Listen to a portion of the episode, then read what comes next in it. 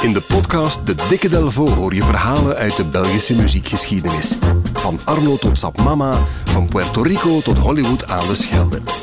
Duik mee in het rijke Belpoparchief en ontdek de verhalen achter Belgische muziekparels. Samen met Jan Delvo, onze ervaren gids. De mooiste Belpopverhalen krijg je in de Dikke Delvo podcast. Hey Jan Delvo. Dag Floris. Je hebt vandaag een verhaal meegebracht over een uh, iconische Limburgse band. Ja, en die een boek heeft gekregen. Vandaag krijgt iedereen een boek blijkbaar. Ik bedoel, als je lang genoeg leeft, ja. wordt er een boek over jou geschreven als band. De Limburgse band in kwestie is Siglo XX uit, mm -hmm. uit Genk. Ja, bekend. Uh, zeer bekend, absoluut. Ja, bekende, of toch een vrij be bekende wavegroep uit de jaren tachtig. De Trots van Limburg, samen met de Brassers, uh, generatiegenoten. Die hadden ook al een boek gekregen, zeker? al een boek hebben, ja, voilà. Ja, bij, bij Siglo verwacht je niet echt een boek, maar de groep is 40 jaar geworden. En er is altijd wel een fan die dan denkt van dat is een gelegenheid om eens alles, hè, de hele archieven uit te pluizen. En dat is gebeurd door uh, een, een stadsgenoot, Mark Vos uit Genk, heeft daar een heel mooi boek gemaakt van gemaakt samen met uh, vormgever Toon Loenders. Nu, voor wie de Brassers en Siglo Six nooit heeft gekend, zou, zou ik durven zeggen dat het de verre voorouders zijn van Whispering Sons? Zitten we er dan oh, ja. heel ver naast? Ik, uh, ik was uh, een, een, zeer grote muziekliefhebber, donkere muziekliefhebber ja. in de vroege jaren tachtig. En als ik nu Whispering Sons hoor, dan word ik daar helemaal warm van. Ook al heeft dat zoiets kouds, maar ik word daar helemaal warm van. Dus ja, ik denk dat je daar een punt ja, voilà. Eigenlijk moet je zeggen Siglo, Siglo, ik zeg maar Siglo Beinte, want het is, het is een, een, Spaanse naam.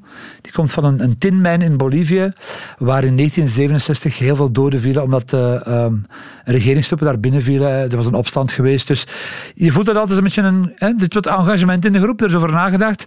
Die naam past ook wel goed bij andere uh, uh, namen uit die tijd, zoals XTC, hè, van Making Plans for Nigel, Generation X, met mm-hmm. Billy Idol als zanger, zanger. Dus dat vonden ze wel goed klinken. Die groep wordt geboren in 1978 in Genk, heel grauw toen. Uh, de, mijn, de mijnindustrie liet bijna op zijn gat. Werkloosheid, armoede, drugs, uh, noem het maar op, omkoopschandaal in het voetbal, ja. met, uh, met uh, waterschijn en zo. En dat klinkt ook door in de teksten en, en de, de pamfletten van de groep, want die gaven zo van die gestencelde boekjes uit. Hè. Wij deden, ja, dat ging zo de Wij deden alles zelf. We waren heel uitgesproken. een van die quotes is, onze vaders kropen in de mijn om Genk groot te maken. Wij springen uit de mijnschachten om Genk af te breken. Wauw. Ja, voilà, ja. die stijl. Ook het, het opschrift van hun allereerste singeltje is veelzeggend. Dat is een heel mooie zin. Opdat de dood ons levend vindt en het leven ons niet doodt mooie poëzie, maar toch hè, voor een eerste single van een jonge band uh, wel redelijk heftig. Er staan drie nummers op dat singeltje, uh, waarvan dit het populairste is.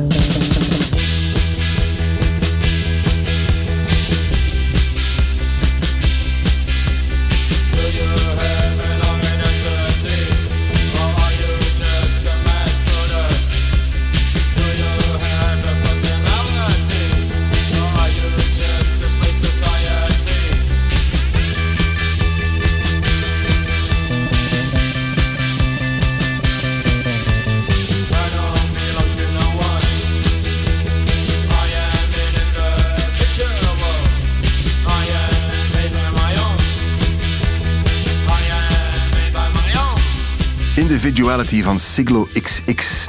Ik weet niet of ik het nog ergens liggen heb. Ik heb wel wat dingen ja, uit die Hopelijk, tijd, want maar... het is een van de meest gezochte Belgische singles. Die gaat, als, als een gaaf exemplaar gaat los 100 euro. Maar als ik het heb, zal het geen gaaf exemplaar zijn. Jammer genoeg. Maar en dat is alweer iets voor nerds en verzamelaars. Er zat een, een poster van de groep bij dat singeltje. En als de poster erbij zit, is die single veel geld waard. En zonder de poster al een pak minder. Dat is ja. verzamelaarsstuff uh, eigenlijk. Hè. Nu, de Sigloxis leidt in de jaren 80 een aangenaam bestaan in de niche. Hij speelt vaak in België, ook al wel eens in het buitenland. Maar in uh, 1991 houden ze ermee op. Uh, en twee jaar na hun uh, verschijnen, in 1993, is er plots grote opschudding. Want een nummer op de nieuwe plaat van U2 zou namelijk heel hard lijken op een nummer van Siglo XX dat vinden wij straf. En dat gaan we nu meteen uh, in ons laboratorium even laten horen. Okay. We beginnen met U2. Ja, het gaat over het nummer The Wanderer van U2. Hm, uit Suropa, dat is de plaat na Achtung Baby. Toen uh, Bonen optrad als Mephisto, hè, met die, met die uh, mooie podiumobjecten van Walter van Beieren ook. Dus ze waren hotter dan hot. ze brengen een nieuwe plaat uit en daar staat dit nummer op.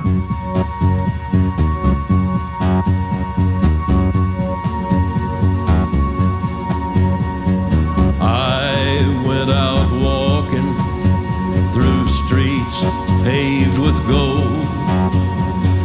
Lifted some stones, saw the skin and bones of a city without a soul. I went out walking under an atomic sky where the ground won't turn and the rain it burns like the tears when I said goodbye. The Wanderer van U2 uit Europa met de stem van Johnny Cash ook. Ja, dat is niet Bono. dat is heel duidelijk. Dus dat is ja, een heel mooi lied. Zo'n beetje een, een, een, een, een, een gezapig lied met, met, met een mooie vertelstem. Prachtig. Uh, nu, dit is het nummer My Sister Called Silence van Siglo XX uit Genk. My little sister called silence, my big brother alone. And both they have grey eyes, birds fly on their own.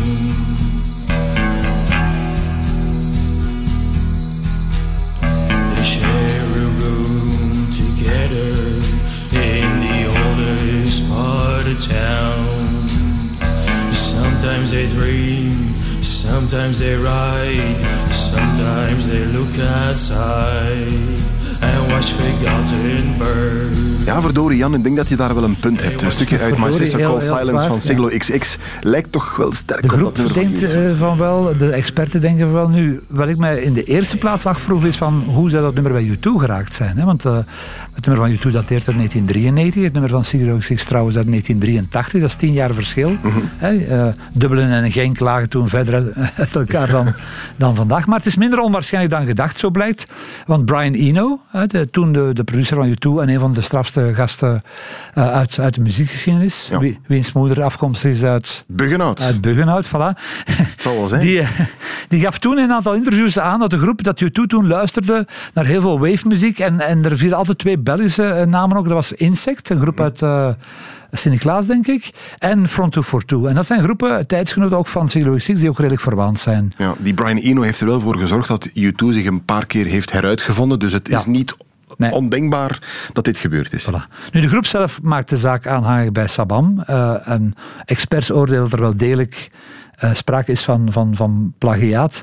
De groep denkt dat ook, maar ze vraagt zich wel af of het nu bewust zou zijn of niet. Ze maakt er zelf niet zo'n eh, zwaar ding van. Ook U2 heeft de zaak ernstig genomen. Hun muziekuitgever heeft, eh, heeft het nummer opgevraagd ook, om, om, om eventueel te bekijken of het, of het dan een rip-off was en of er eventueel een, een, een schikking moest geregeld worden.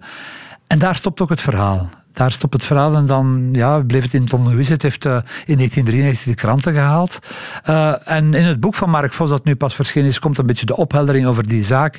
De gitarist Dirk Chauveau zegt van, vermits U2 veel meer geld had om duur advocaten te betalen, is de zaak stilgelegd. Zonder minnelijke schikking lees ik daar tussen de lijnen. Voilà, ja, ja, zonder, dat er iets, eh, zonder dat er iets gebeurt. Dus het is eigenlijk to be continued. Maar ja, dus ja, dat is verdwenen. En het gebeurt natuurlijk zeer, zeer vaak. Maar hier is het zo manifest eigenlijk dat ik toch vond dat we dat eens op de radio moesten uitgelegd hebben. Maar elke gelegenheid om Siglo XXS te draaien is een goede gelegenheid, vind ik. Dat zal ik onthouden. En ik heb speciaal voor jou, denk ik, het nummer in meegebracht nog het vaakst op van die zwarte vijven wordt gedraaid. En dat is Dreams of Pleasure. Bedankt Jan.